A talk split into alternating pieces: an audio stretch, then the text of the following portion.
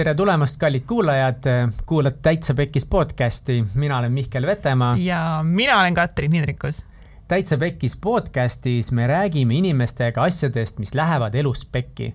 me räägime, miks need asjad nende elus pekki läksid, mida nad sellest õppisid ja kuidas sellest kõigest välja tulla aga täna on meil äh, spetsial ekstra episood teile pakkuda, kus äh, meil külalist ei ole, vaid saate nautida mind ja Mihklit kahekesti vestlemas, äh, arutamas, kuidas meil on läinud podcastidega ja mis meil on elus pekki läinud, mis me siin aasta jooksul teinud oleme hullu.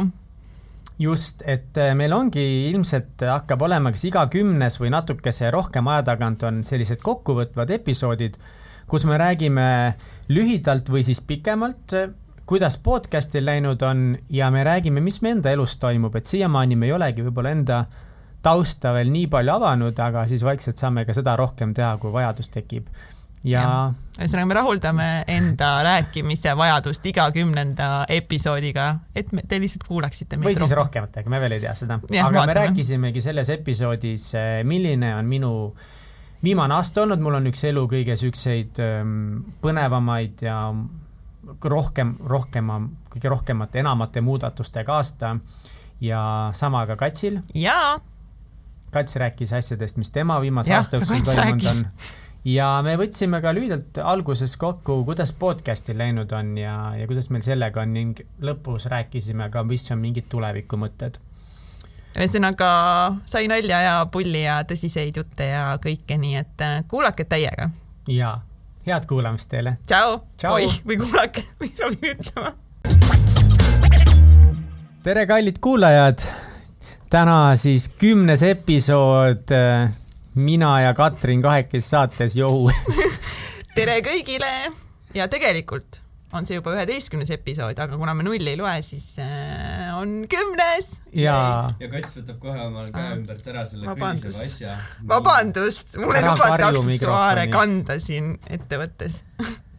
Mille ma ise asutasin ma võtsin ära oma aksessuaari käe pealt, et siis te kuuleksite meid paremini ja, ja. ma siiamaani ei saa aru, mille pärast meie esimene episood pidi null olema, nüüd siiamaani lugemine, nüüd lepime kokku, see on kümnes episood, noh, sest meil on selle hashtag kümme.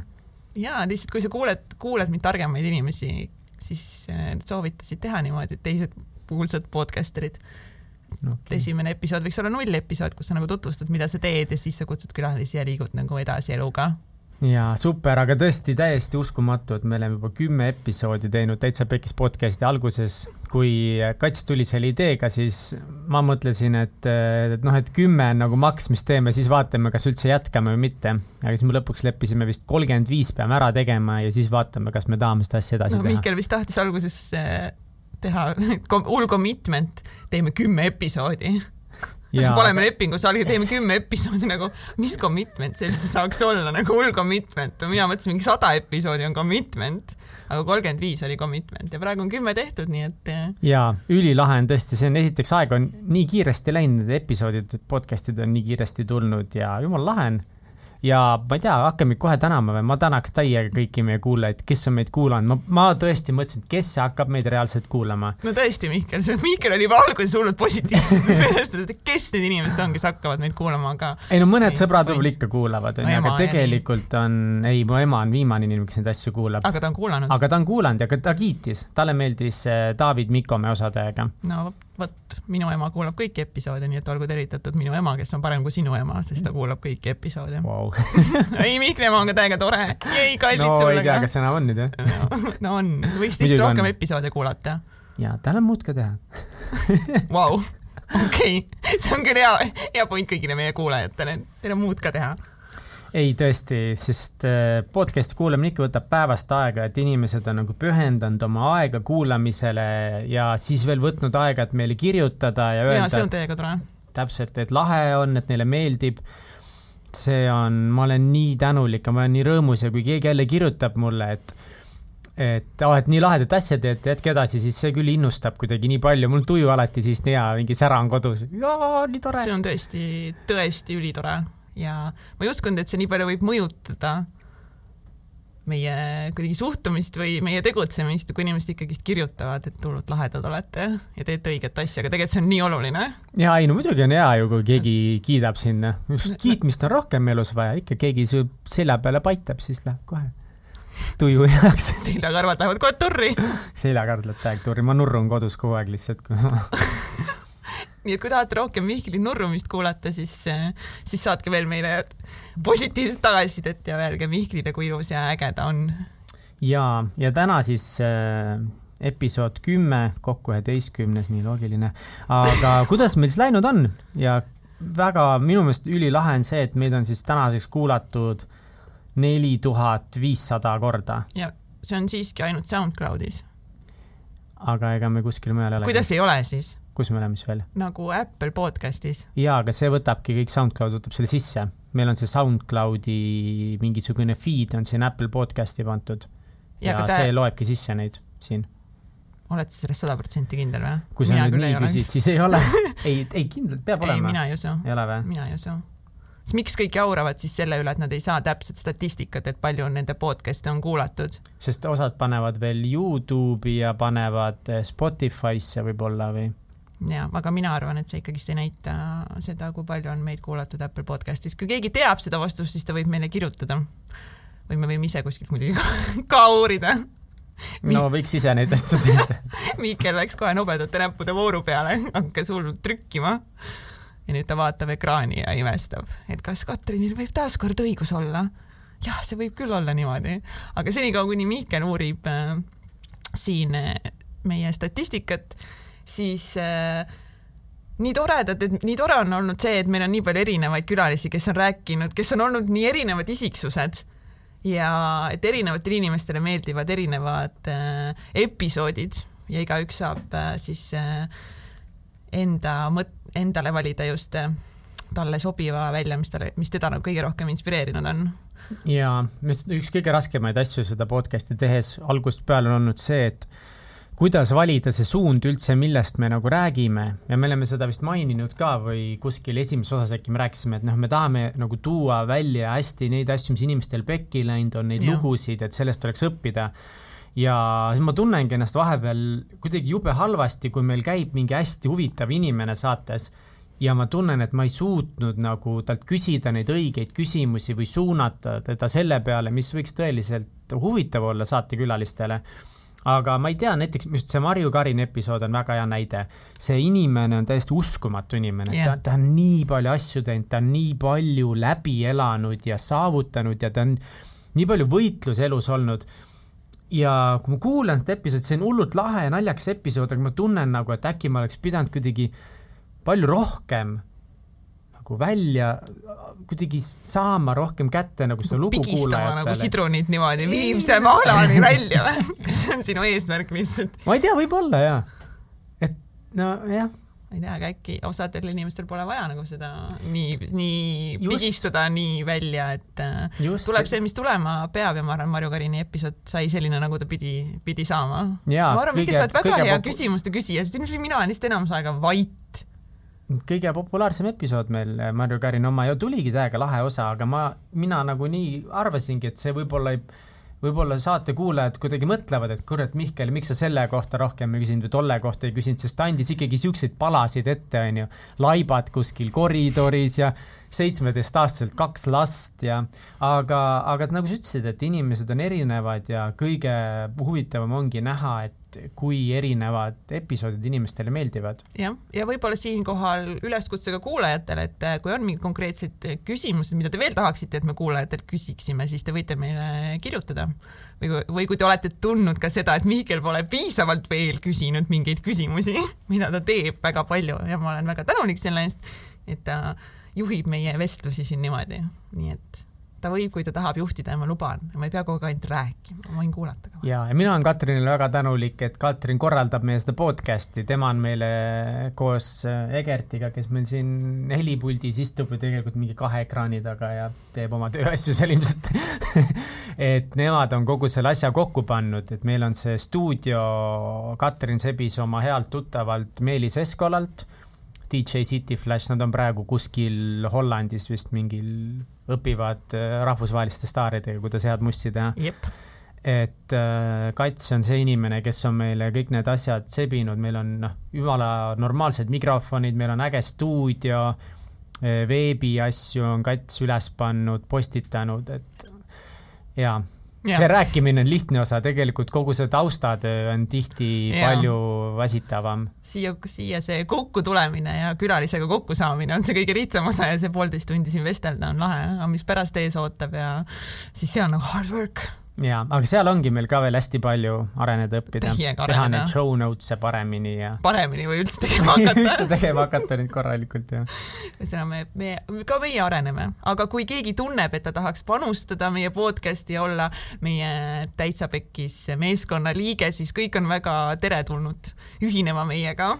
Jaa, meil on kindlasti keegi, kes äh, transkribeeriks, on see sõna vist näiteks oleks. Võimalik see on liiga ränk töö, seda ei ole jõudnud teha veel ja siis äh, ongi, täname Egertit ka, sest Egert on see mees, kes paneb meil alati siin need äh, mikrofonid püsti, juhtmed taha, vaatab, et lindistaks, kogu aeg sõimab meid, kui me räägime liiga lähedalt või liiga kaugelt. pärast iga episoodi saame jälle peksa, et tegime halbu hääli ja. jah ja pärast äh, ka võtab selle episoodi sisse ja edit ib seda meie hääled yeah. normaalseks ja võtab mingid helid maha ja paneb juurde ja who knows tegelikult, mis ta seal teeb nagu. ja kui te arvate, et Kats paneb ulmekajakaid mikrofoni, siis te peaksite kuulma seda enne, kui Egert töötleb. jah, nii et tulge vaatama nii et tõesti, see meeskonnatöö on, on väga-väga super. aitäh teile, ma olen mega õnnelik, et siuksed tiimikaaslased on. absoluutselt. ja Jäi ja täpselt ja kõige populaarsemad episoodid meil praegu ongi Marju Karini episood ja siis eh, Liisa-Maria episood on kaks kõige-kõige populaarsemat. jah ja., täiesti erinevad episoodid, täiesti erinevad inimesed. just, ja see ongi lahe, et eh, täitsa erinevad, eh, erinevad stiilid ja tundub, et rahvale meeldib. tundub küll numbrid näitavad, numbrid näitavad, kõik on ja, numbrite mäng ja, ja Facebookis on ka nii paljud inimesed äh, meile kirjutanud ja mingi like inud ja okei okay,, tegelikult see ei ole nagu palju võib-olla mingisuguste kuulsate podcast'ide inimeste jaoks, aga minu jaoks see on täiesti uskumatu. ma arvan, et äh, alustavale podcast'ile on meil nagu väga hästi läinud ja kes veel ei ole meid like inud Instagramis ja Facebookis, siis miks te seda teinud ei ole? kas me tegelikult ei meeldi teile? ma ei saa aru, mis asja. kui raske saab olla tänapäeval minna, lihtsalt võtta telefon ja panna sinna täitsa pekkis Facebooki ja panna like, subscribe ja mine Instasse, niikuinii te kõik kasutate seda. Minge follow ge meid, näidake Ongi. meile support'ina, thumbs up people. No enne tuleb ikka head sisu toota, aga noh, okei okay,, okei okay,, ja, ja mingi täiega follow ge Teiega follow ge muidugi. Aga me siin mõtlesime, et selles kümnendas episoodis me noh, mida me juba teinud olemegi, räägime, kuidas meil läinud on ja kuidas podcast'il läinud on. Ja võib-olla rääkida natukese üldse meie viimasest aastast ka, et Katsil on olnud viimane aasta üks siukseid, ma arvan, mõnes mõttes äh, crazy maid elus. Neid pekkiminekuid on elus palju olnud, aga see aasta on vist kõige rohkem asju juhtunud ja muutunud no,. sinul samamoodi, Mihkel. ja minul samamoodi no,. ikka täiega on..., ma arvan, võib-olla sinul on veel rohkem asju toimunud võib-olla, ma ei tea. selle aasta jooksul, ma arvan küll, et nagu nii muutuste rohket aastat äh, ei ole, ei ole mul enne olnud jah jah, Mihkel vaatas oma tabeli üle ja nii palju muutusi pole nagu statistiliselt elus varem esinenud. jah, nii on jah, aga mis siis on olnud viimase aasta kõige suuremad muutused Mihkel Vetemaa imepärases elus? Äh, see aasta algas äh, selles mõttes äh, põnevalt küll ja, et aasta alguses ma veel töötasin Taxify's, olin müügispetsialist seal või müügimänedžer või müügijuht või ma ei tea, mis asi ma olin. ja ma tegelesin Taxify äriklientidega, müüsin seda ärikliendi lahendust neile ja siis töötasin selle ärikliendi toote arendamisega. no ma ise võtsin selle ülesande endale peale, sest kuna see ärikliendi lahendus on kõige väiksem osa põhimõtteliselt Taxify'st üldse, sest ikkagi praegu on kogu rõhk uutel turgudel ja ta-ta-ta, onju. ja see on nagu väike osa. Siis ma sain sellega ise pusida, kellelgi teisel polnud aega sellega tegeleda, et selles mõttes oli lahe. ja see oli väga-väga kihvt kogemus, sealt ma sain nagu kinnitust võib-olla sellele, et see startup'i maailm mulle hullult meeldib. Nende inimeste suhtumine, see kiirus sihuke crazy dus igapäevane natukese, et mulle hullult meeldis see, aga. ärme unusta ka, taksoga sai palju sõita. Kuulake meie, meie, meie null episoodi, kus te saate aru, miks Mihklile päriselt meeldis Taxify's töötada. Yes.. ei, see on kindlasti tore. Kindlasti väga tore oli see. ja, ja siis äh, aga siis äh, Taxify'st ma tulin ära, tegelikult ma vist neid detaile veel täpsemalt ei saa rääkida, aga põhimõtteliselt seal äh, tiimis läksid mingid asjad läksid väga pekki ja väga palju inimesi läks teistesse kohtadesse edasi sealt. ja Sa olin ka mina selle valiku ees, et kas jääda või minna ära. ja täpselt tol hetkel minu hea sõber Rasmus tuli välja ideega hakata tegema Fleet Tripi startup'i või Fleet Tripi. ühte yeah., ühte startup'i ja tol hetkel veel nime ei olnud meil. Ja siis see oligi täpselt selline koht, et kus ma nagu tundsin, et ma peaksin kuskil edasi liikuma, midagi uut tegema hakkama. ja tema tuli selle mõttega, et hakkame startup'i tegema ja siis ma olin, et davai, teeme ära. ja see läks fenomenaalselt pekki jah see läks korralikult niimoodi allapoole kuskilt torustikust. aga, aga see oli, oli nii tore ettevõtmine. see oli, tegelikult me hakkasime seda isegi enne tegema, kui ma Taxify'st ära tulin. Aga see oligi nagu sihuke, noh siis mul oli kuskile, kuhu minna, midagi, mida teha ja siis ma saingi selle otsuse võtta. räägi korra, mis see Fleet Trip endast kujutas? Äh, Fleet Trip oli selline reisimängude startup, meie idee oli selles, see idee algas sellest tegelikult, et äh, me tahtsime inimestele niisuguse lotomänguga hakata pakkuma kortereid. et üldse kodu ostmine on metsikult kallis asi. Et võiks olla mingisugune mäng, et kus kõik osalevad mingi väikse rahalise panusega ja siis võitja saab korteri endale. korterid inimestel vaja, tundus lahe asi, aga see tundus natukese liiga suur mm, -hmm. liiga kallis ja siis me otsustasime, kuskilt tuli idee, et teeme seda hoopiski puhkusereisidega. ja see oli selline mäng, et sa logisid sinna lehele sisse ja sa said valida endale esimese asjana auhinna juba ette ära, et kui sa mängus osaled, siis millist auhinda sa tahaksid saada ja seal oli mingi hunnik erinevaid siukseid uhkeid puhkusepakette. Baalile ja mm -hmm. toredatesse kohtadesse. oli jah, puhkusereis Baalil ja nii ja ja seal oli veel mingeid siukseid ägedaid kohti.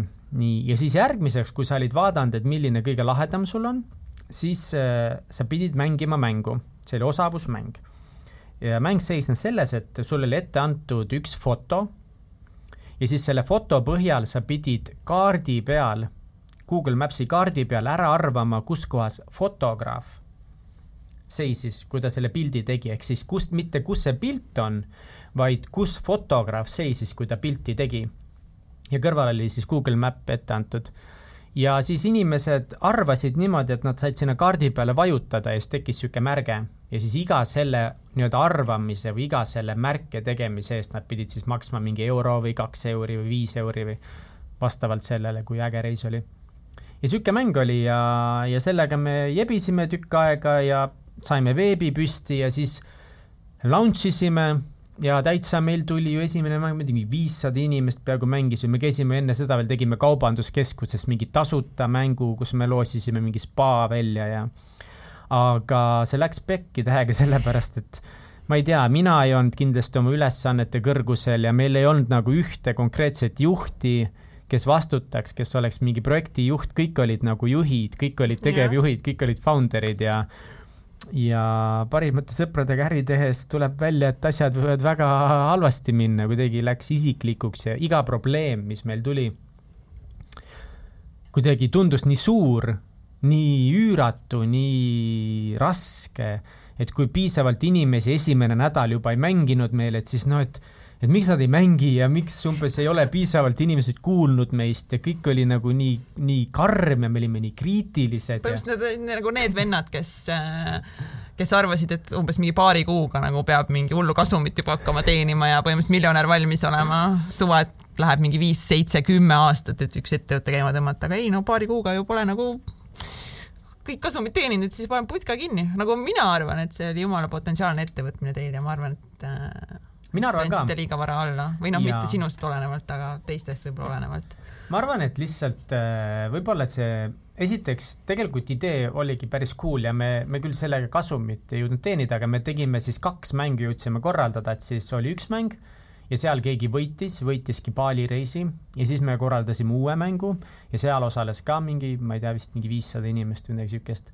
ja teise mängu auhind oli Türki mingi luksusreis. Vist oli niimoodi, et kaks mängu tegime ära ja see tõestas seda, et tegelikult idee toimis, inimesed olid nõus raha maksma siukse asja eest. ja ja mõned inimesed maksid ka päris palju raha seal, ehk siis nad nagu mitu korda märkisid oma arvamusi. sattusid kergesti sõltuvusse, ütleme niimoodi. väike hasart. jaa, mis on alati teretulnud sellise ettevõtmise puhul. aga see läks pekki, selles mõttes, et eh, ka meie panustasime sinna oma väärtuslikku aega ja mõtlesime ka, et me, me saame nagu osa niisugust miljoni ettevõttest ja nii ja, aga ja. tutkitva asja. Katsi Egerti produktsiooniettevõte aitas meil teha siis nende võitjatega sellised Äh, auhinna üleandmise videod, need tulid täiega lahedad. pluss mingid kõik muud videod. ja, ja siis ma tahtsingi öelda, et siis te tegite meile veel äh, muid videosid, pluss see filmimine üles, kui me seda tasuta mängu tegime, no seda oli päris palju, seda koostööd. aga täiega tore oli teiega teha seda asja.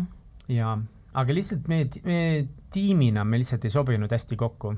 et lihtsalt oligi, võib-olla ei olnud õiged inimesed selle asja jaoks koos.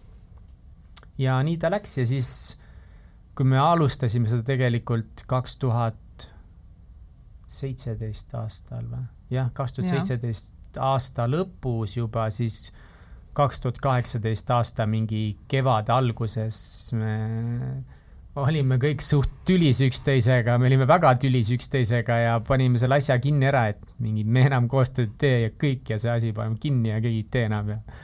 ja siis nad panidki kinni lihtsalt putka? panimegi putka kinni jah aga kaks inimest, kes võitsid, said oma reisid ära ja et äh, nemad käisid, said väga laheda puhkusreisi. noh, asi seegi. jaa, aga see oli hullult hea kogemus, aga me käisime ajujahis ka veel sellega. jaa, te olite megatublid. jumala visioon oli teil paigas ja kõik oli nagu olemas. aga noh, pole hullu, ju siis pidi nii minema.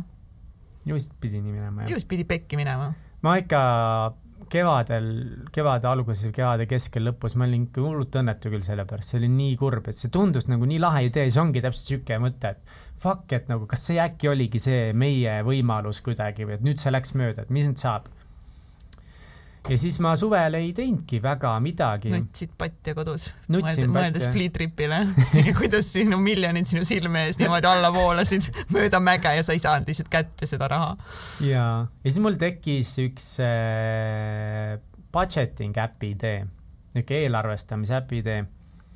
ja see oli mul, ma olen pikka aega teinud siukseid, äh, noh, ise oma mingi kulude-tulude aruannet, aga ma ei ole kunagi selle jaoks head äppi leidnud ja noh, neid äppe muidugi sitaks, siis mul tekkis idee, et äkki ma peaksin hakkama veel ühe juurde tegema. jaa, et äkki peaks veel ühe juurde tegema, aga, aga teistsuguse, kunagi räägin täpsemalt sellest. ilmselgelt nagu parema. automaatsema, parem, onju. seksikama, võimsama, elu muutva kõik need see, ilusad sõnad. jaa, aga no ikka vaata uut asja tehes nagu ma nii palju kõhklesin ja ma siiamaani kõhklen, et kuidagi, et noh, et kas see on ikka hea idee või kas see ikka toimib ma ei tea, Mihkel, sa viimasel ajal vist nagu kõhkled nii palju, sa ei olnud varem üldse selline inimene, kes mingi kõhkleb kõikide asjadega, ma ütlen midagi, siis ta mingi no ma ei tea, mingi kas ikka nii ja kas ikka naa no., vanasti Mihkel oli see, kes oli mingi davai nagu davai noh, midagi pani silma särama. ahah, mis oli see esimene sõna, mis ma sulle ütlesin, kui sa ütled, et hakkame podcast'i tegema? siis sa olid nagu, vaatasid mind siukse näoga ette, et mida pekki. ma ütlesin davai, ma ütlesin mingi kohe mingi davai no päris kohe sa kindlasti ei öelnud no seda. kümme sekundit mõtlesin võib-olla mm. -hmm. ja siis läksid koju ja hakkasid seedima seda ja praadima? no peabki asjad läbi mõtlema, tegelikult ei, ma ise tunnen ka, et ma olen palju rohkem hakanud muretsema asjade pärast või, või oma otsustes ma olen hakanud kahtlema, kahtlema, just. ja, ja see ongi, see on see kuradi elukogemus, sest ma olen olnud terve elu sihuke suhtumisega, et kõik asjad lähevad hästi, ma saan kindlalt mega edukaks aga kui sa oled, kui sa hullult kõhklema hakkad, et siis sa saad kindlalt edukaks või? ei, asi on selles, et lihtsalt päris palju asju ongi halvasti läinud, ma olen noh, tegelikult vaata, ega ma ei olegi mingi noh, ma saan aru, mul on terve elu veel ees ja ja ma ei ole üldse liiga palju asju proovinud, aga noh, ülikooli ajal juba kuidagi see äh, reklaamiharidus mulle ikkagi ei meeldinud, siis ma olin natukese võib-olla lost, mida teha, siis tuli, eks ole, Sinsino ja võrkturundus, mis tundus, et see on midagi just mulle, et minu isikuomadustele sobis. kui palju aega me sinna sisse panime, kui palju me vaeva nägime sellega, ehitasime kliendibaasid ülesse. mingi hetk läks jumala hästi, ma käisin mingi Monacos trippimas siin ühe tiimijuhiga ja ja siis läks see kõik nagu nässu, see oli nii suur hoop, et see läks perse, sest on ju, inimestele olin öelnud, et ei, mina suudan selles läbi lüüa, eks ja, ole. me ei anna alla. me ei anna alla. Tutkit, noh. noh, ja siis, siis tuligi ma läksingi, kui Sinsino läks pekki, siis ma läksingi Taxify'sse, sest yeah. mul oli vaja lihtsalt tööd. ja seal oli, tol hetkel ei olnud, mingi isegi mingi suvaline tööpakkumine oli seal. ja ma üldse ei mõelnud tollest midagi, too pidi olema sihuke nagu puhkehetk, kus ma lihtsalt korra olen ja vaatan, mis ma eluga peale hakkan. ja sinna ta läks. ja täiega lahe oli hoopiski, ma seal otsustasin, et ma teen karjääri ja mul olid suured plaanid seal ja siis läks, too läks pekki ja siis lõpuks sa nagu hakkadki mõtlema, et see on kurat... märk, Mihkel, sa ei ole loodud tegema palgatööd kellegi alluma, seda on fine teha, aga nagu sa ei ole loodud mingi Taxify's, ma ei tea, mingi ärikliendi juht olema kuskil, ma ei tea, isegi kui see on kuskil Lõuna-Aafrikas või kuskil seksikas kohas. Sa ei ole lihtsalt loodud tegema seda, elu toob sulle need märgid koju kätte. No jaa, aga siis tuli Fleet Trip pärast seda ja see läks nässu. Ja siis vaata, sealt tulebki see kõhklus, et ma olen hakanud aru saama, et tegelikult Mm, minu otsustel ja tegevustel on mingisugune tagajärg. et kui ma kunagi mõtlesin, et noh, savi, mis ma teen, et kõik on chill, kõik on lahe, siis kuidagi järjest rohkem ma hakkan mõtlema nagu sellele mingisugusele tagajärjele, et kui ma valin mingi tee, et, et see tee tegelikult viib kuskile ja sellel on mingisugune tulemus, mingi tagajärg, no ma mõtlengi natukese üle lihtsalt praegu. sa kunagi ei tea, kuhu mingi tee võib tegelikult viia ka, ma arvan, et see, et see Fleet Trip pekki läks, oli jumala hea, et see, selles mõttes juhtus nagu mitte see, et nüüd nagu pekki läks, aga see, et see oli ja te proovisite ja tegite versus see, et sa poleks teinud seda. ei, seda kindlasti, seda kindlasti. ühtegi asja ma ei kahetse õnneks, kõik asjad, mis ma elus teinud olen, ma olen megatänulik, et ma neid asju tegin ja ma olen kõikidest tohutult õppinud. ja ma olen alati sellise suhtumisega olnud, et, et igast asjast on võimalik väga palju õppida, isegi sitast koolitusest. kui sa saad mingisuguse ühe või kaks head mõtet kaasa, on see juba väärt. absoluutselt aga vaata, inimesel ikka tekivad vahepeal need mingid ähm, negatiivsed mõtted või mingid langused ja siis tulebki lihtsalt sellega tööd teha aga, ja, ja siin podcast'is ka tõesti, ma olen katsi nii palju grillinud mingit, aa, sul on see idee või kas see on ikka hea idee või see, seda tahad küsida, toda tahad teha, ma iga asja peale olen mingi, aa, aga see äkki on halb, äkki see ei tööta või? jaa, kogu aeg, siis ma mingi, kes see mees on nagu kes see mees on, ma tean, Mihkel mingi kümneaastane, kust see järsku tuli, ma ei tea, kuulas mingit valet podcast'i või mina ei tea. valet raamatut lugesid. kust see tuleb kõik? Vasta. no ma just rääk-, sa ei kuula, ma just rääkisin, kust see tuleb, see tulebki sellest elukogemusest, et nagu natukese on, olen ma rohkem hakanud asjade peale mõtlema, et kuhu ma tahan jõuda ja kuhu ma liigun, aga selles mõttes ei, ma panen edasi ja panna on vaja.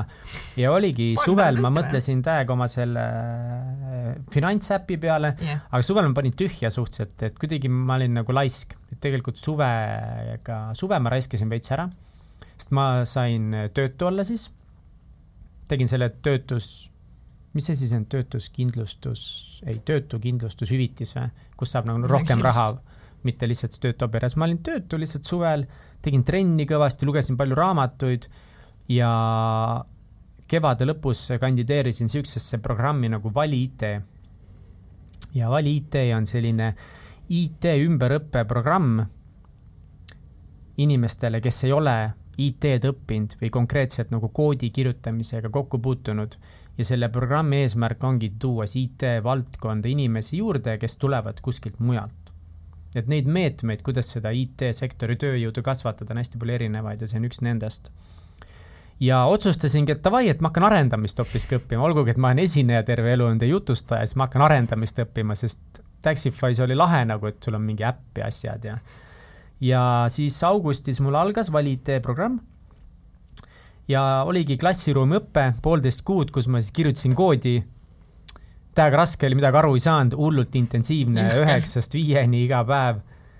ja sain mingisuguse baasi selgeks ja siis, kui see pidi lõppema, siis äh, pärast seda poolteist kuud siis kõik need projekt, programmis või kursusel osalejad lähevad IT-firmadesse praktikale et siis nagu reaalselt midagi ära õppida, midagi kinnistada, seda väga kerget baasi, mis me saime. ma õppisin mingit C-sharpi keelt ja siis me käisime selle, selle programmi raames käisime IT-ettevõtetes nagu kohal, käisime külas nagu terve oma selle grupiga.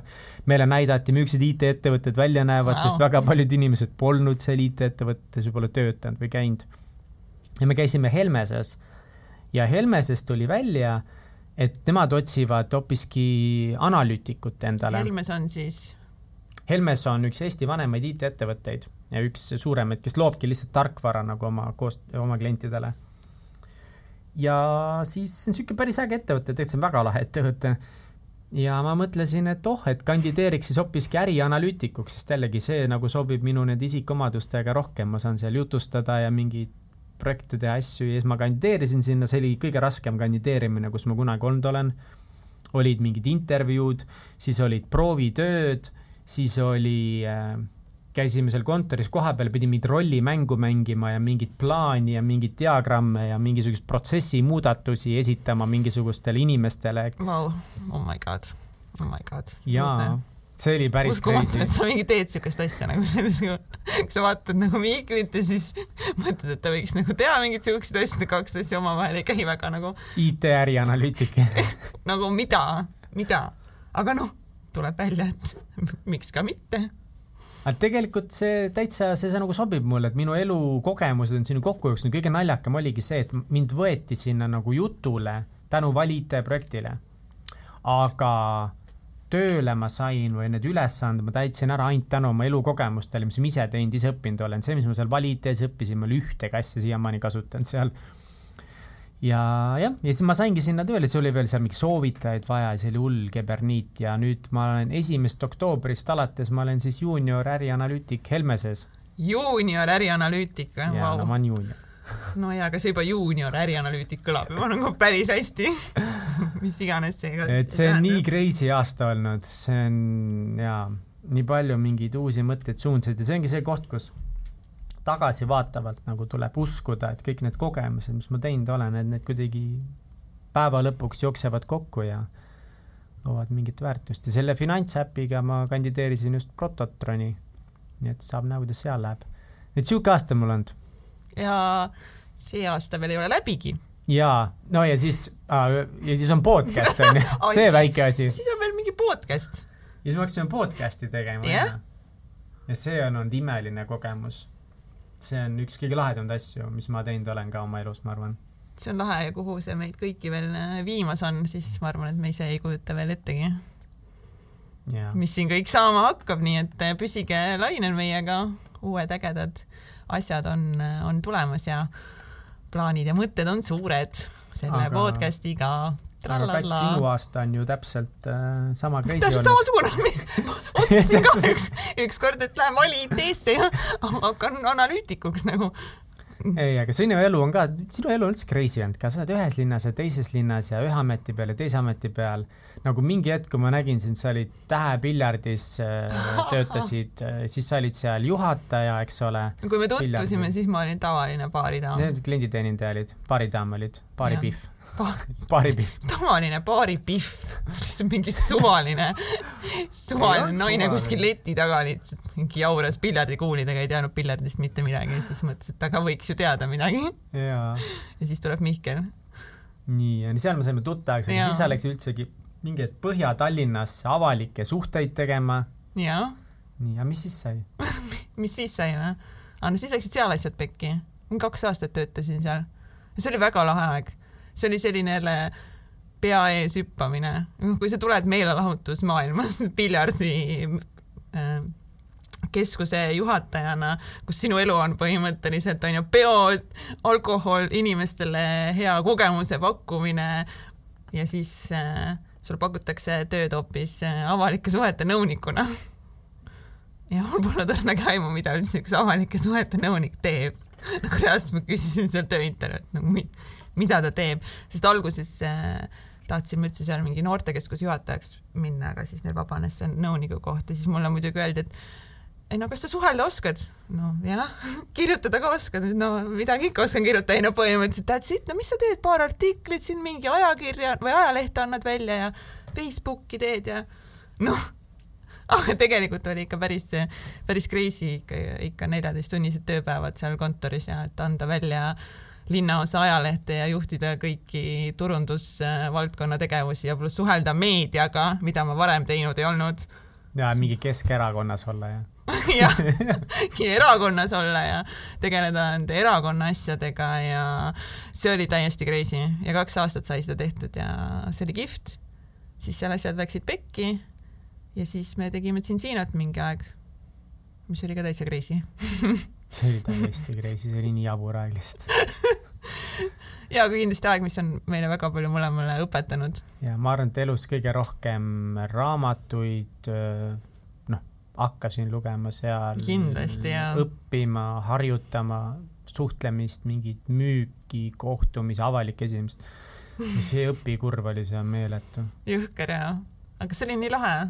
Kõik need inimesed tegelikult, kes sealt on tulnud ja kes on jäänud ka meie ellu, on tegelikult ju paljuski tulnud siin Siinost ja et see oli väga lahe aeg. siis seal läksid ilmselgelt asjad pekki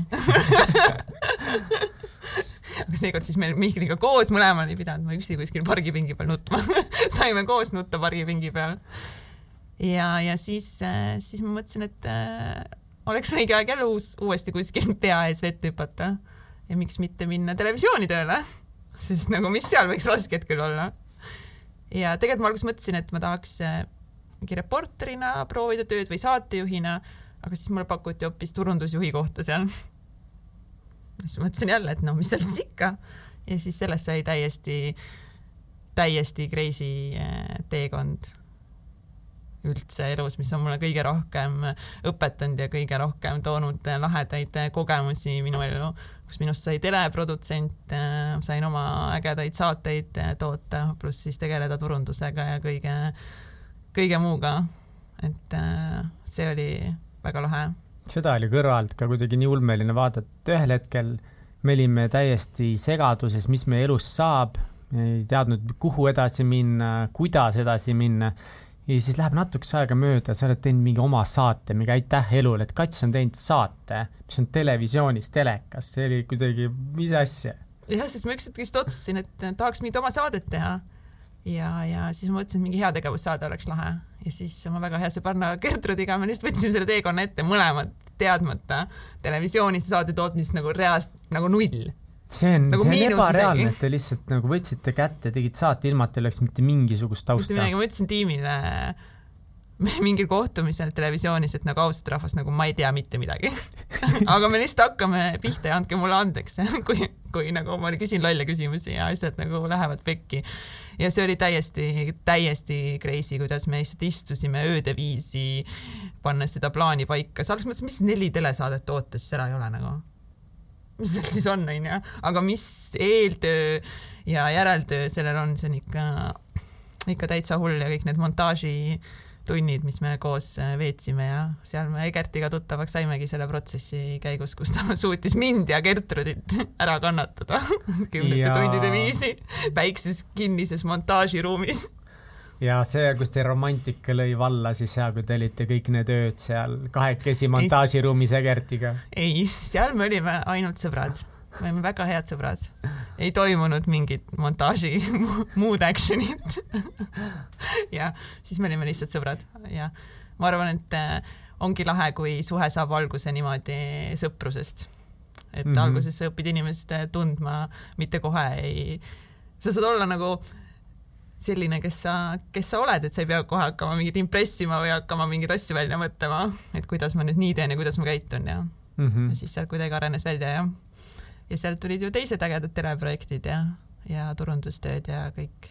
aga kas sul oli seal nagu inimesi, kellelt sa, selles mõttes, et sa ei hakka et noh, kui kuulaja mõtleb, et siis see natukese ikka aitab, et kui sa oled juba televisiooniettevõttes sees, et neid saateid teha, aga sisuliselt ma saan aru, ikkagi te tegite ju kõik asjad mingisuguse nulleelarvega, et sa otsisid ainult mingeid koostööprojekte või toetajaid või? seda konkreetset heategevusprojekti me tegime ja kõik partnerid äh, tulid meile lihtsalt äh, ja sponsorluse korras ja kõik ruumid, kõik äh, mööblid, kõik esinejad nagu kõik, kõik, kõik, kõik kõik inimesed, kes seal abistasid, Gertrud kaasa arvatud, ju ei saanud raha selle eest.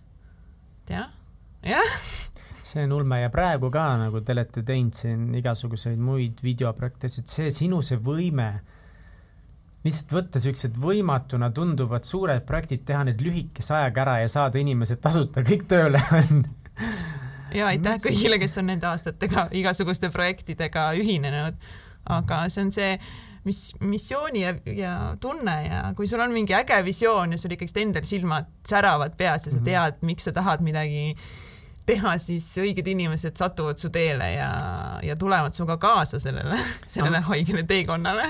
ma saan aru, et Tallinna Televisioonis ikkagi päris palju poliitika ja paljudel asjadel ette ka või, või segast tööd ka igapäevaselt või mingeid otsustusi või suundasid või, või mitte? mina ütlen, et mind konkreetselt mitte.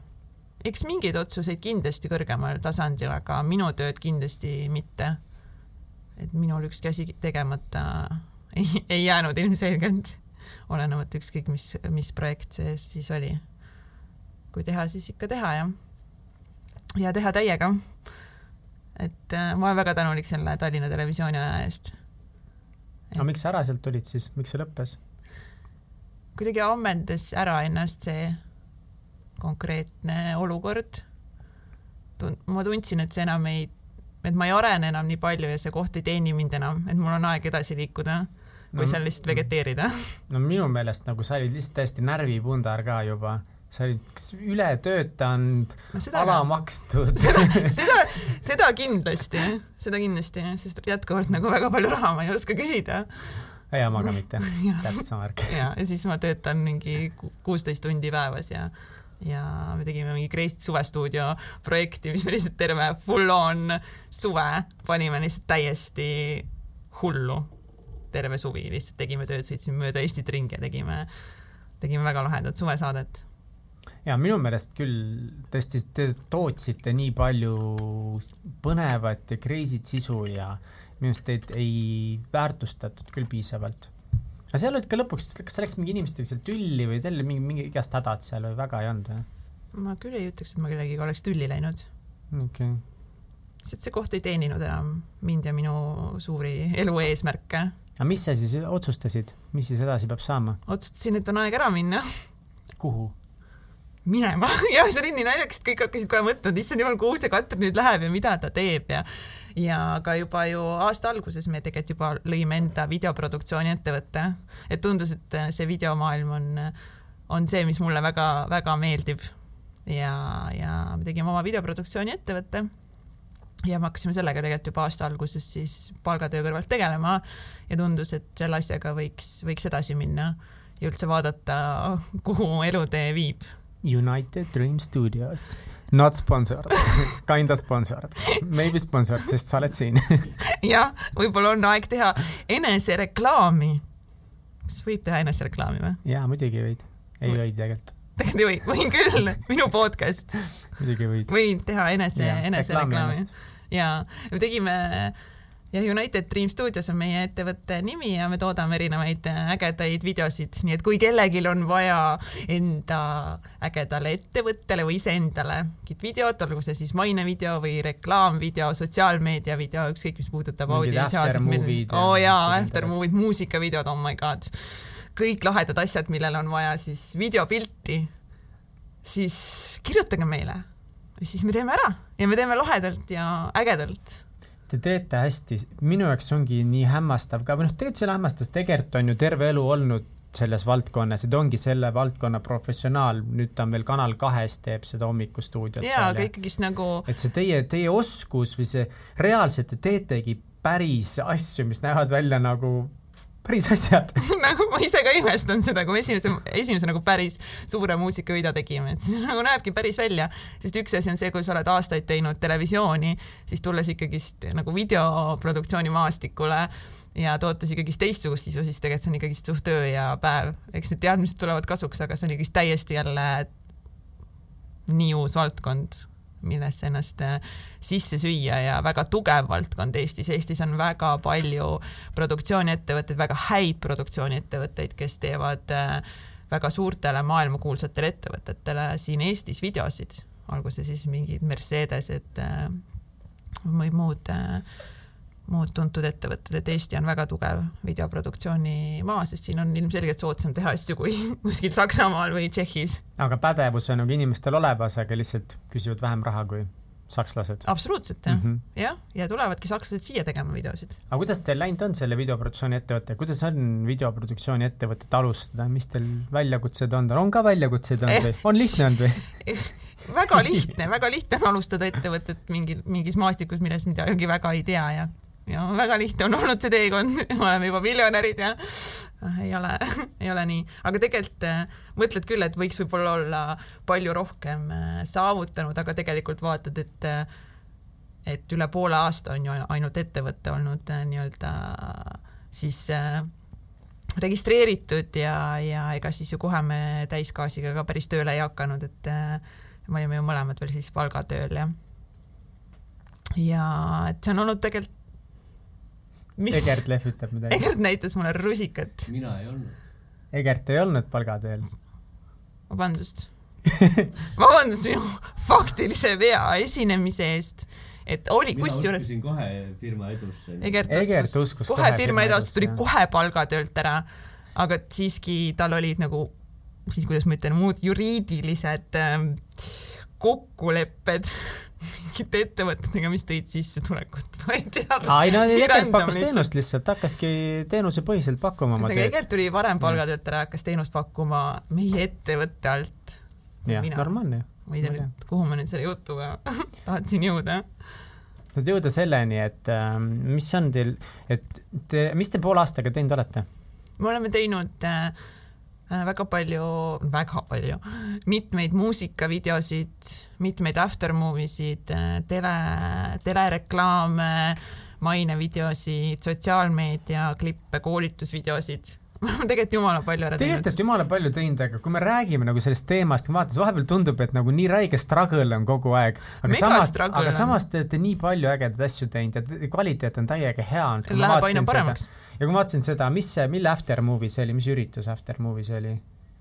Äh, kus oli see mingid droonikaadrid olid ja see algas Vau wow,, droonikaadrid! algas sellest, et põhimõtteliselt iga video aa okei okay., no see, et vaata, alguses oli see mingi vesi onju, siis sõitis sealt Haapsalu Jaani tuli. aa, no see ja, oli skuuter, täiega lahe video, see mulle väga meeldis. saime skuutrit äh, filmida, mis oli täiega vinge.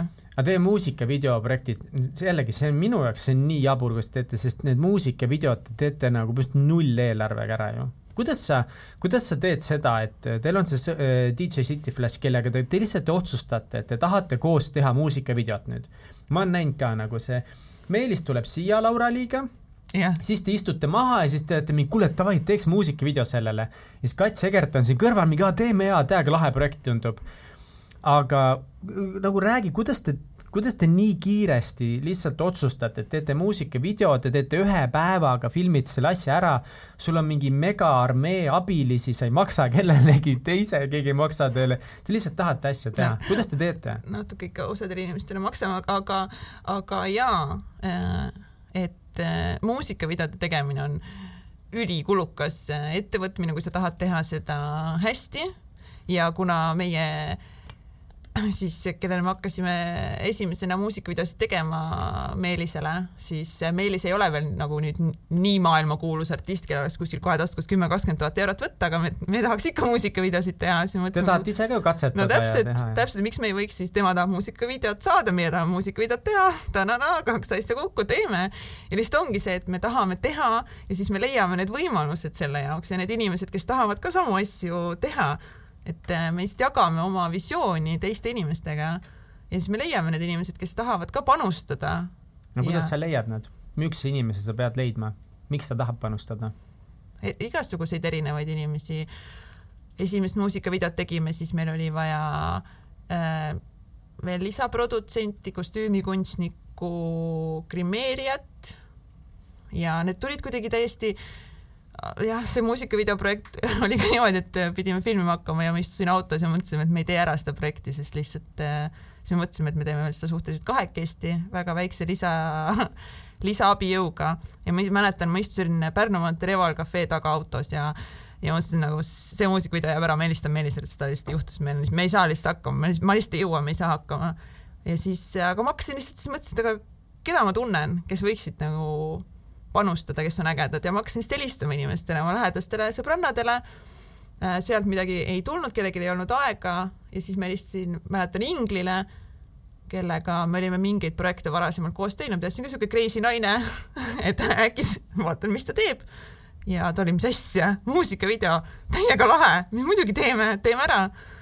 ja tema avastas seal enda, endas suure kire siis äh, kostüümide vastu ja nüüd ta disainibki riideid ja sellest on kasvanud üldse mingi kolmas projekt veel välja.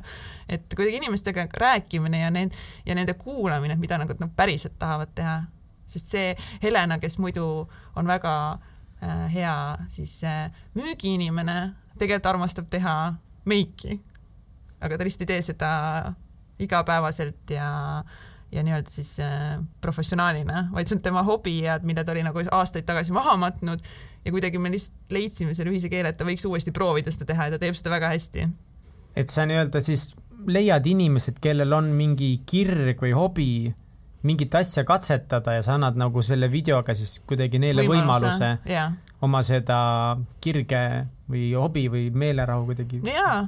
ennast, mis see sõna on, mida ma otsin, kuidagi ennast teostada selles asjas mis neile väga meeldib. näha, et, et, et see reaal-, sa saad nagu panna mingi enda mingi nägemuse ja siis see saab ellu videopildina. Ja seda on nii lahe näha pärast äh, tulemusena. Ja nii me oleme saanud ju endale videodesse näiteks tantsijad, mustkunstnikud, akrobaadid, äh, sest räägid, meil on selline mõte, meil väga pole raha maksta selle eest või no tegelikult meil pole üldse maksta, ma ei tea, mis sa arvad sellest mõttest, aga meil on selline idee, me tahame teha seda, me oleme need, need, need, need, need, et kui sa ise tead, mida sa tahad ja sul on see pilt ees, siis on palju lihtsam seda teistele inimestele edasi anda ja rääkida sellest ja siis inimesed lihtsalt selle energia pealt tulevadki kaasa ja siis sünnivadki.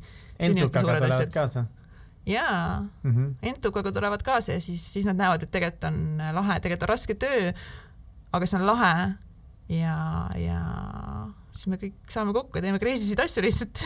ma nii imetlen seda nagu, kindlasti te oleksite väärt nagu väga palju raha selle eest, aga noh, kui ei ole veel nii-öelda suurt klienti, kes nõuab nagu mingit väga konkreetset asja, siis see, kuidas te iseenda jaoks juba need asjad ära teete ja minu meelest see mõte, et leia inimesed, kellel on mingi kirg või mingi tahe teha midagi, mida nad võib-olla igapäevaselt ei saa teha ja anna neile see võimalus ja see on väga sihuke profound mõte siin. on jah. mida kaasa võtta. ja, ja ma, ma tean, et, et kindlasti tulevad need, need projektid ka, ka suurem, veel suuremal kujul, aga need kogemused, mis me täna saame, tehes neid asju, mida me praegu teeme, võib-olla pro bono, siis me tulevikus, meil on need oskused ja teadmised olemas. sest teie kvaliteet ikkagi on väga hea juba. ja me oskame lahendada igasuguseid äh, probleeme ja, ja kui ongi inimestel väiksem, väiksemad eelarved, siis me suudame teha ka väiksemate eelarvetega suuremaid asju. vahepeal oled mõelnud ka, et äkki kuradi peaks mingi alla andma või kuskile tööle minema või ei ole õhtul patja nutnud, et nii raske on ma ei tea, kas ma konkreetselt nagu patja olen nutnud, aga raske on, on täiega ja raske, no tegelikult Tallinna Televisioonist äratulek oli väga raske. see otsus tuli väga raskelt ja kuidagi nagu sealt palgatöölt nii-öelda viia ennast ettevõtja lainele on väga raske ja on siiamaani väga raske. mis on kõige raskem selle juures? kas see, et sa pead ise otsustama sinu, sinu otsustest äh, sõltub ja kuidagi äh, enda asja tegemine on ikka keeruline, palju keerulisem kellelegi teisele mingit asja tegemine, kas see ongi mingi turunduse või mis mis iganes asjade tegemine siis endale, seda on kuidagi nii palju keerulisem äh, teha, siis hakkad ikka rohkem mingi mõtlema, et kas see nüüd ikka on õige otsus ja kas ma ikka helistan sellele no, inimesele. halloo, mida ma räägin, täpselt et... sellepärast ma kõhklen ja kahtlengi viimasel rohkem no., just see, mis sa ütlesid, endal on nii raske teha ja sa hakkadki rohkem mõtlema ja sellepärast, et sinu otsustest sõltub nii palju. täpselt ja... sama tunne mul ka. no jaa, aga need ei ole, need näited, mis ma sulle tõin, ei olnud konkreetselt mingid... okei okay,, võib-olla ma lihtsalt põen väiksemate asjade pärast võib-olla tõesti aga see jaa, enda asja tegemine on lihtsalt kuidagi keerulisem, ei tea, ma ei tea, miks. no sellepärast nagu,, et raha on vaja, et süüa osta. ja, ja noh, ongi, sina lõpuks vastutad, vaata, kui pekki läheb, siis läheb sul pekki. no jaa, niikuinii läheb pekki, aga kuule, me võib-olla tõesti peame kasutama sõna läheb pekki, läheb halvasti on ka kusjuures, oled kuulnud siukest väljendit või? Läheb valesti. ei, see on mingi uus sõna sõnaraamatus või? ja, ja, ja iga asja peale ei pea ütlema, et läheb pekki, võib-olla läheb, võib-olla peame ütlema, aga ma ei tea, kas me ei kasuta liiga palju seda? näed jälle, ma mingi väikse asja pärast, what the fuck. ja Mihkel, me kasutame liiga palju. oh my god, mis mulle juhtunud on? kirjuta mingi aruanne sellest või midagi, viitsite mingi Excel. appi, jumala pohhu ju tegelikult. analüüsi analüüsin täpselt. sa oled analüütik ju. ja, ja, ja. jah, Mihkel, hakka analüüsima meie statistikat. mis sõnu me kõige rohkem siin podcast'is kasutame ja kas see läheb, tee mingid diagrammid ja asjad valmis ja? kuule, aga kuidas on Egertiga koos teha iga päev sama asja? sama asja? jaa, te nagu iga päev ühte sama asja okei okay,, Egert tegelikult praegu vist päris palju teeb, Egert teeb mingi ulmeprojekti igal pool, on, on produtsent ja mingi teed res-, resiid või montaaži või režissöör on ju? monteerib jah, teeb igast äh, aga te teete hästi palju, teete koos ka ju asju, teil on ühine firma, teil on, teil on kodukontor, eks ole. ja asi, mida ma ütlesin, mul kunagi olema ei hakka, on kuradi kodukontor.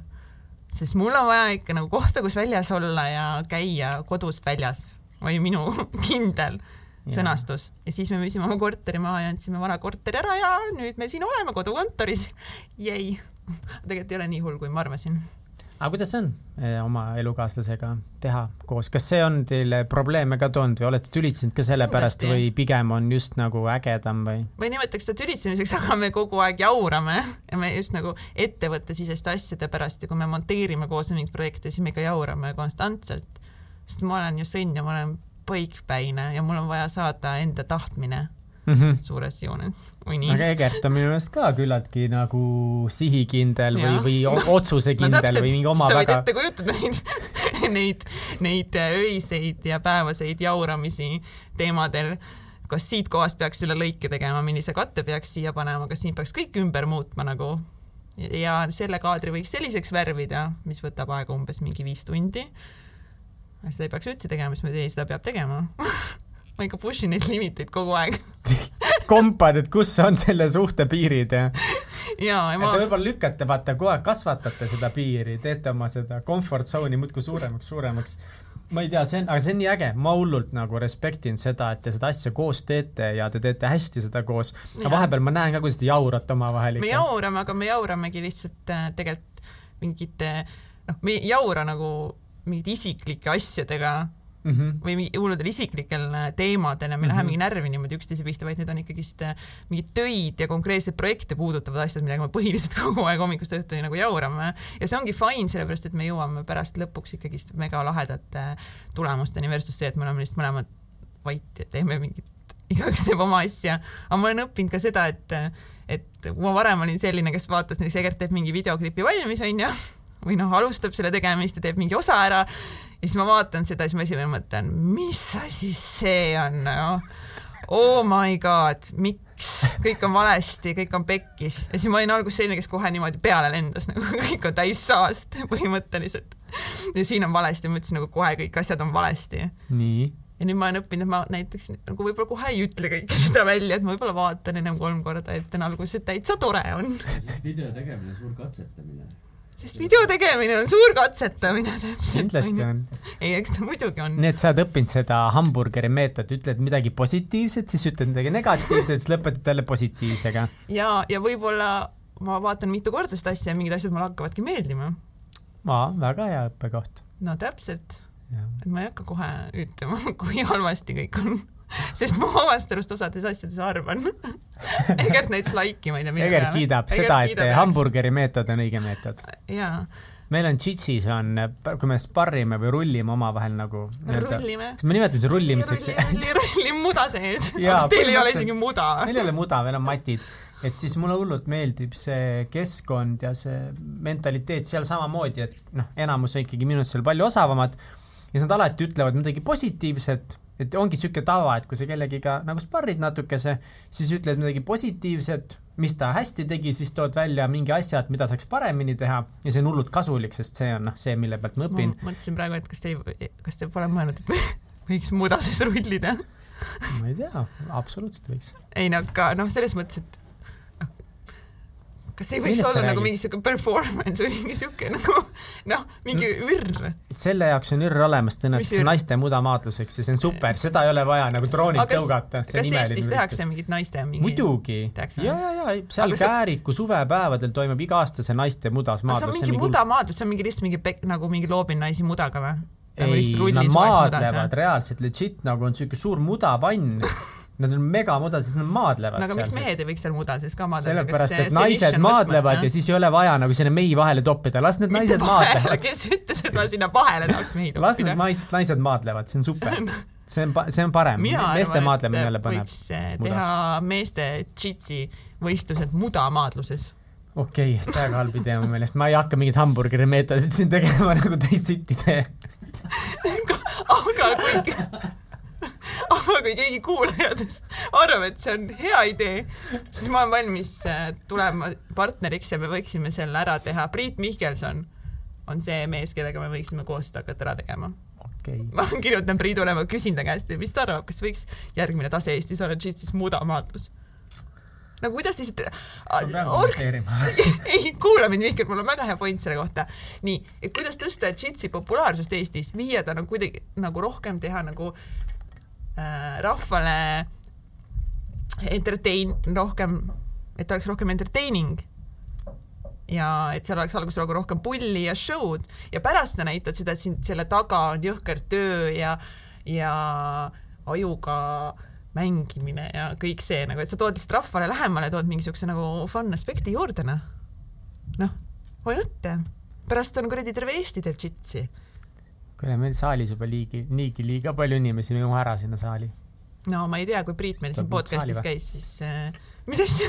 uut saali on vist vaja, suuremat saali. no täpselt, siis Priit ütles küll, et peaks arendama Eestis rohkem shit'i. ei, kindlasti no,, kindlasti, aga kas see on päris see tee, mida me minna tahame, eks seda peab, seda peavad targemad mehed otsustama kui mina. täpselt, ma kohe räägin, kirjutan Priidule, vaatan, mis ta arvab asjast. järgmised mudamaadlused shit'is, Eesti esimesed õiged shit'i mudamaadlused. millest järgmised... me räägime praegu, mis asja, mis toimub, palun vabandust nagu mul lihtsalt vahepeal tulevad nii head ideed oh my god, Egert nagu ma täiega tunnen kaasa et mul tulevad nii head ideed või see ei ole eriti hea koht, kus kaasa tunda. see peab olema mingi jess, tegelikult mul on täiega kogu aeg palju häid ideid, siis ma kujutangi ette juba, kuidas ma olen hästi nagu, et see United Dreams või mingi moeettevõte saab hästi edukaks ja siis ma saangi hästi palju ideid ainult kogu aeg genereerida ja siis mul on inimesed kõik, kes kõik, kõik need ideed ära teevad. tegelikult Katsiga on selles mõttes sitaks ja asju teha, et inimene, kes sulle pidevalt äh, toodabki mingisuguseid ideid, genereerib neid, on valmis neid läbi viima, see on väga haruldane asi ja me oleme mingeid sünnipäevasid, sa oled mulle vist korraldanud, ühesõnaga tõesti noh, et, et selles mõttes super inimene, keda me elus omada, et kui on keegi, ütled, et ma tahaks midagi teha, siis kats ei ole kunagi see, kes ütleb, et no ma ei tea, onju, vaid ta mingi okei okay,, okei okay,, nii ja hakkab loopima mingit paska sulle.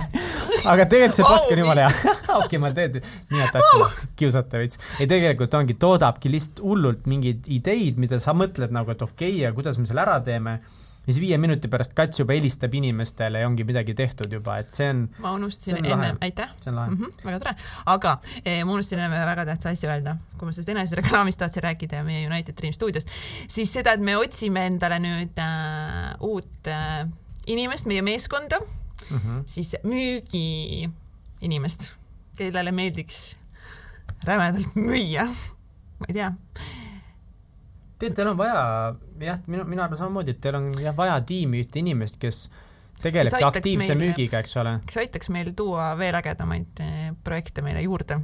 Sest mul on ka niisugune tunne, et tegelikult Eestis praegu, no üldse maailmas videode tegemine järjest kasvab, videotöö, tööstus hullult kasvab, kõik need videosid ja videosid on selles mõttes nagu natukese lihtsam võib-olla teha, et ülihea raudvara on natukese kättesaadavam inimestele, et sa saadki osta endale mingi metsiku hea kvaliteediga videosid.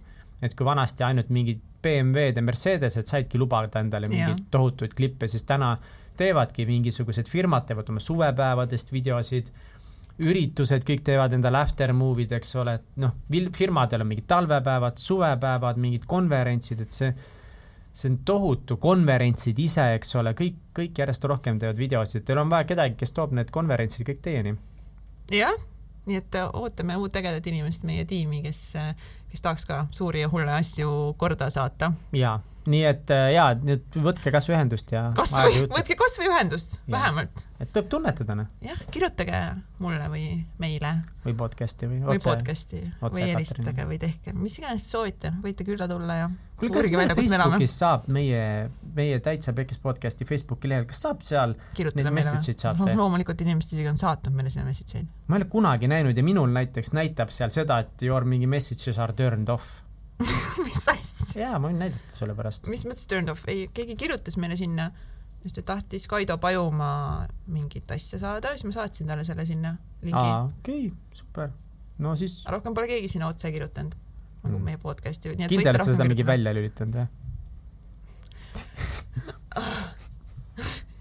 ai, samas praegu ei näita seda, mina ei tea, vahepeal mul oli seal, no ühesõnaga ma ei tea, ma ei tea sittagi. ta töötab mingi analüütikuna kuskil mingi tehnoloogiaettevõttes.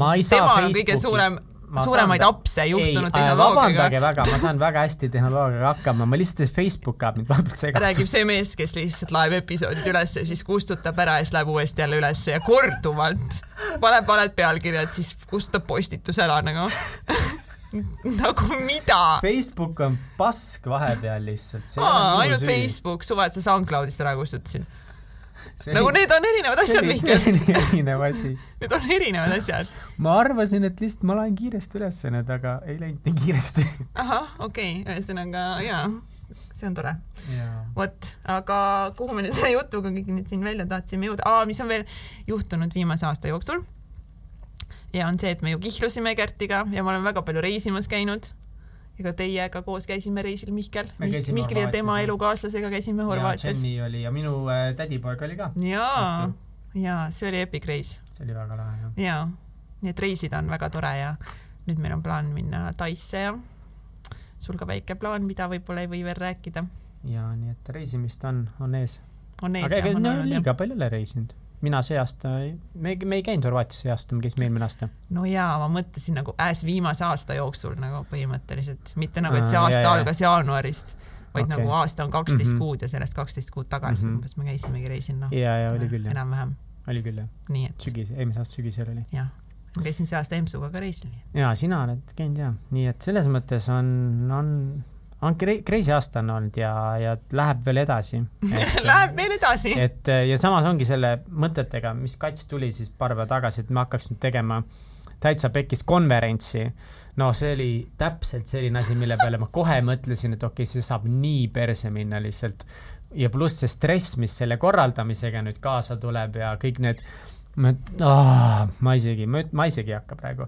aga no siis Kats on seda nüüd mingi paar päeva mulle siin eile rääkis ja täna natukese rääkinud ja ma ei tea, noh, võib-olla isegi seal on midagi.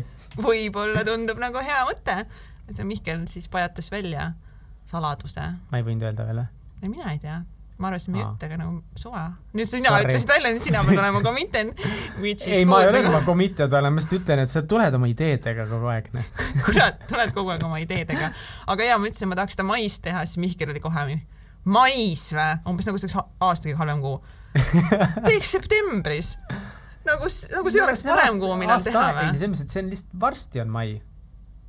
september on ka varsti.